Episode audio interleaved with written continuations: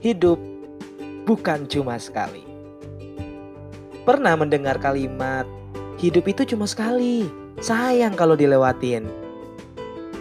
Sebuah kalimat yang rata-rata sering kita temui ketika kita lagi ngobrol, cerita, atau berbagi dengan siapa saja di ruang lingkup kehidupan kita.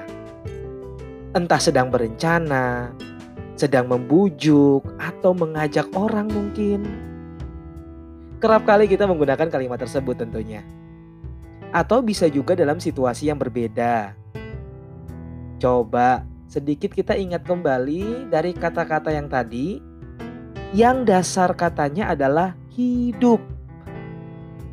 Kalau mendengar kata hidup, artinya kita masih bisa bernafas kan? Inilah kenapa saya mau berbagi tentang hidup itu bukan cuma sekali, tapi berkali-kali. Buktinya, saat ini kamu masih bisa mendengar edisi podcast misalnya. Dan yang paling penting, kamu dan saya masih bernafas dengan baik. Hidup itu berkali-kali, tapi menghidupi hidup itu kadang datangnya cuma sekali. Artinya jarang banget nih kita ini menghidupi hidup.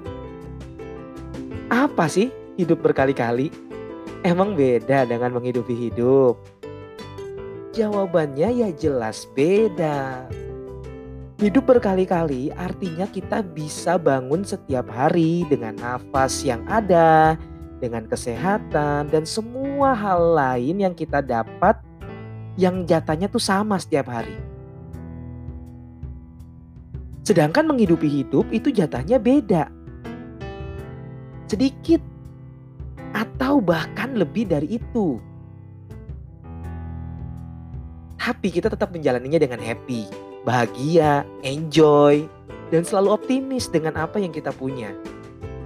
Bahkan kadang kita nggak punya pun kita masih bisa berbagi loh. Bukan berbagi materi, tetapi berbagi waktu dengan mendengarkan, belajar, menemani, memahami. Kemudian kita mungkin berbagi senyuman, kebahagiaan, cerita yang menyenangkan, dan hal-hal lainnya. Ciri-ciri orang yang menghidupi hidup itu seperti Pertama, orangnya ini selalu jadi tempat curhat yang enak dipercaya dan dapat diandelin. Artinya dia nggak bocor. Yang kedua, meski ada masalah atau beban, tetap nih orang senyum terus. Bahagia terus sekitarannya. Yang ketiga, bersyukur dengan apa yang dia miliki saat itu. Artinya orangnya gampang nih, agak gampang untuk uh, mengucapkan kata-kata yang ah kok begini sih, ah kok begitu sih ya. Walaupun terucap mungkin hanya dalam hati. Yang keempat, berbagi bukan cuma materi. Orang-orang yang menghidupi hidup mereka cenderung uh, membagikan apa yang mereka punya walaupun mereka punya sedikit tapi mereka justru memberikan lebih banyak. Dan ini bukan soal materi. Dan yang terakhir, ciri-ciri orang yang menghidupi hidup itu seperti orangnya adalah yang bijak dalam berkata.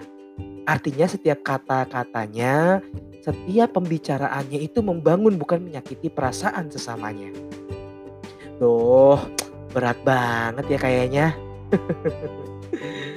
Tapi tenang. Meski berat, ini mudah banget buat dilakuin. Kita cukup melakukan tiga cara ini jika mau menghidupi hidup. Yang pertama, bersyukur dengan apa yang kita miliki. Artinya, seperti di edisi yang pertama, podcast saya yang pertama, saya memberikan sedikit masukan tentang bagaimana kita menggunakan tiga DNA, memiliki tiga DNA bersyukur. Kalau udah jadi DNA teman-teman, ini susah untuk kita rubah. Artinya ini sudah mendarah daging dalam kehidupan kita. Kedua, fokus memberikan lebih dengan apa yang dikerjakan atau diusahakan ya means uh, pekerjaan atau usaha yang kita tekuni saat ini. Artinya tidak usah kita membandingkan, ya, tidak usah kita uh, terus melihat rumput orang di sebelah sana. Boleh sesekali melihat untuk kita mengupgrade diri, tapi kalau fokusnya berlebihan keluar sana bukan dengan apa yang kita punya, kita tidak pernah akan memberikan apa pun yang kita miliki dalam kehidupan kita kepada orang lain, bukan cuma materi. Dan yang ketiga adalah menjaga hubungan vertikal dan horizontal. Kita bisa membangun hubungan kita dengan Tuhan, dan kita juga bisa membangun hubungan kita dengan sesama kita. Ini adalah tips untuk menghidupi hidup. Bersyukur dengan apa yang dimiliki, fokus memberikan lebih dari apa yang kita kerjakan dan kita usahakan.